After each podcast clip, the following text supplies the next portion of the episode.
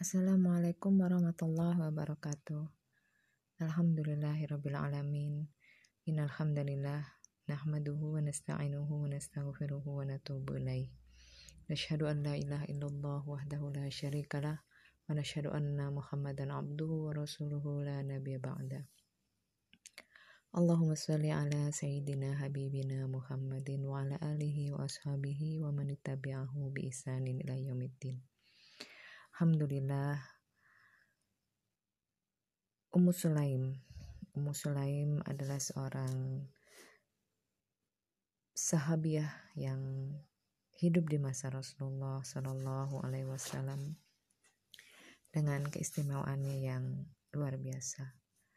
Seperti yang kita juga pernah dengar mungkin uh, bagaimana kesabaran beliau menyikapi musibah yang beliau hadapi ketika anaknya wafat, sementara suaminya tidak sedang ada di tempat. Dan ketika suaminya pulang, beliau tidak langsung mengabarkan berita yang menyedihkan itu karena beliau tahu uh, suaminya yang baru pulang dari perjalanan dari tugas yang jauh butuh istirahat, butuh hiburan dulu. Maka beliau melayani sang suami dengan sebaik mungkin. Barulah ketika suaminya dalam kondisi tenang, maka beliau mengabarkan bahwa ada salah satu anaknya yang wafat. Sehingga kemudian sang suami sempat marah dan beliau kemudian menyampaikan rasa marahnya itu kepada Rasulullah Shallallahu Alaihi Wasallam. Mengapa istriku tidak mengabarkan sejak awal? Dan kita semua mungkin pernah juga mendengar bagaimana tutur atau ucapan Ummu Sulaim ketika menyampaikan berita wafatnya Ananda dengan kalimat yang penuh hikmah. Wahai suamiku, apabila engkau dititipi sesuatu dan yang menitipkan itu mengambilnya, apakah engkau ridho? Tentu saja sang suami langsung menjawab, iya, karena itu kan titipan. Dan begitu juga kemudian sang istri, Ummu Sulaim mengatakan, dan Allah yang menitipkan anak kepada kita telah mengambil miliknya. Suami yang terkejut dan merasa marah, tapi benar apa yang disampaikan oleh istrinya. Maka kemudian sang suami me meminta nasihat kepada Rasulullah Shallallahu Alaihi Wasallam. Dan apa kata Rasulullah Shallallahu Alaihi Wasallam? Beliau menggambarkan betapa bijaknya sang istri dan beliau juga menyampaikan bahwa uh, dari hasil uh, hubungan suami istri yang mereka lakukan ya ketika Ummu Sulaim memberikan pelayanan yang terbaiknya kepada sang suami yang baru pulang akan lahir eh, generasi yang tangguh, generasi yang hebat dan memang setelah itu uh, Sulaim melahirkan anak-anak yang uh, luar biasa ya yang menjadi pengusung Al-Quran dan menjadi penerus risalah Rasulullah Sallallahu Alaihi Wasallam. Nah, di antara anak Ummu Sulaim ini adalah salah satunya bernama Anas bin Malik. Anas bin Malik ini salah seorang sahabat yang di mana beliau ini punya keutamaan dalam ke keilmuan dan ada sekitar 80 hadis ya dari 2286 hadis yang diriwayatkan oleh Anas bin Malik itu masuk dalam Sahih Bukhari dan 90 hadis masuk dalam Sahih Muslim. Jadi ada 2286 hadis yang diriwayatkan oleh Anas bin Malik. Anas bin Malik adalah uh, sosok yang sangat dekat dengan Rasulullah Shallallahu Alaihi Wasallam karena memang sengaja didekatkan oleh sang ibu untuk bisa berkhidmat dengan sebaik-baiknya dan bisa mendapatkan ilmu yang sebanyak-banyaknya, maka Rasulullah SAW juga pun memberikan doanya kepada Anas bin Malik. Jadi apa yang dilakukan oleh uh, Ummu Sulaim dilakukan oleh sang ibu untuk mendapatkan keutamaan itu. Jadi Ummu Sulaim mendatangi Rasulullah Shallallahu Alaihi Wasallam bahwa anaknya yang masih belia, Anas bin Malik, dan beliau menyampaikan, wahai Rasulullah, ini pembantu kecilmu, Anas. Dan aku berharap dia akan selalu berada di sampingmu dan dia berkhidmat padamu. Itulah kira-kira. Maka kemudian Ummu Sulaim memohon doa. Berdoalah pada Allah untuknya. Dan Rasulullah SAW pun mendoakan Anas bin Malik, Ya Allah, perbanyaklah harta dan keturunannya dan panjangkanlah usianya.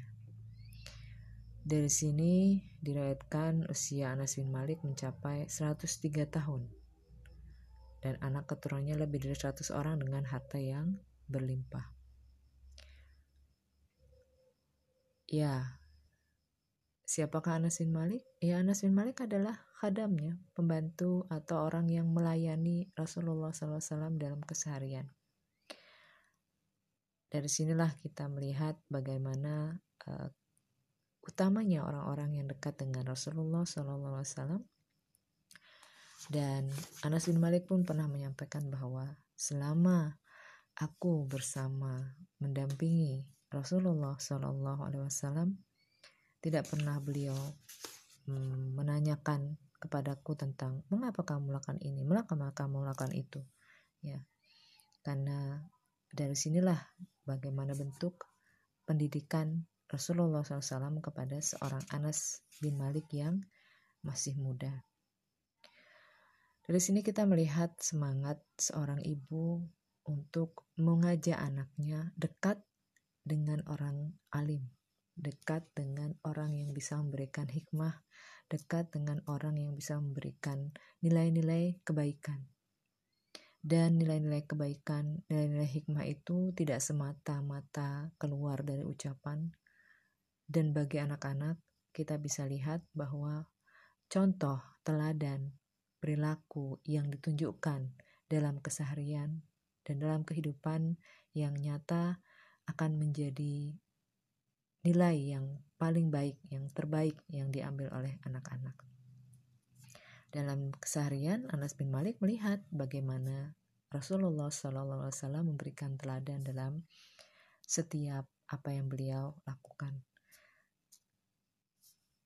Di sinilah kita mengambil hikmah untuk menjadi orang tua yang mendidik anak-anak kita sebaiknya kita berusaha juga untuk bisa memberikan teladan, bisa memberikan contoh yang terbaik walaupun kita tidak sempurna, namun setidaknya anak-anak kita melihat bagaimana upaya kita untuk komitmen dalam kebaikan demi kebaikan yang selalu kita sampaikan kepada anak-anak kita. Dan dari sini juga kita melihat da seorang ibu memiliki eh, cita-cita uh, yang besar. Cita-cita inilah cita-cita yang mulia, bukan sekedar uh, anak ini akan nanti akan menjadi apa, gitu. profesi seperti apa.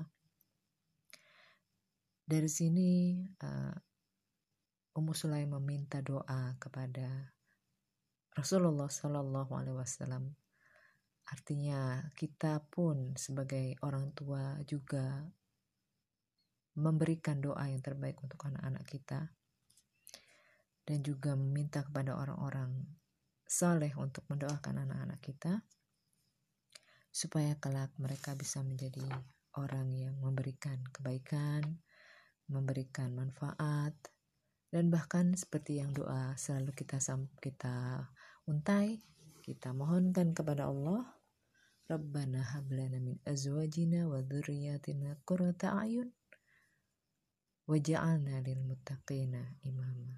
Kita berharap anak-anak kita menjadi qurrata a'yun, menjadi penyejuk mata. Sehingga kepada siapa pun mereka berinteraksi, orang-orang mendapatkan kedamaian, mendapatkan hikmah, dan dia pun bisa menjadi leader yang bisa memberikan uh, contoh atau teladan yang baik.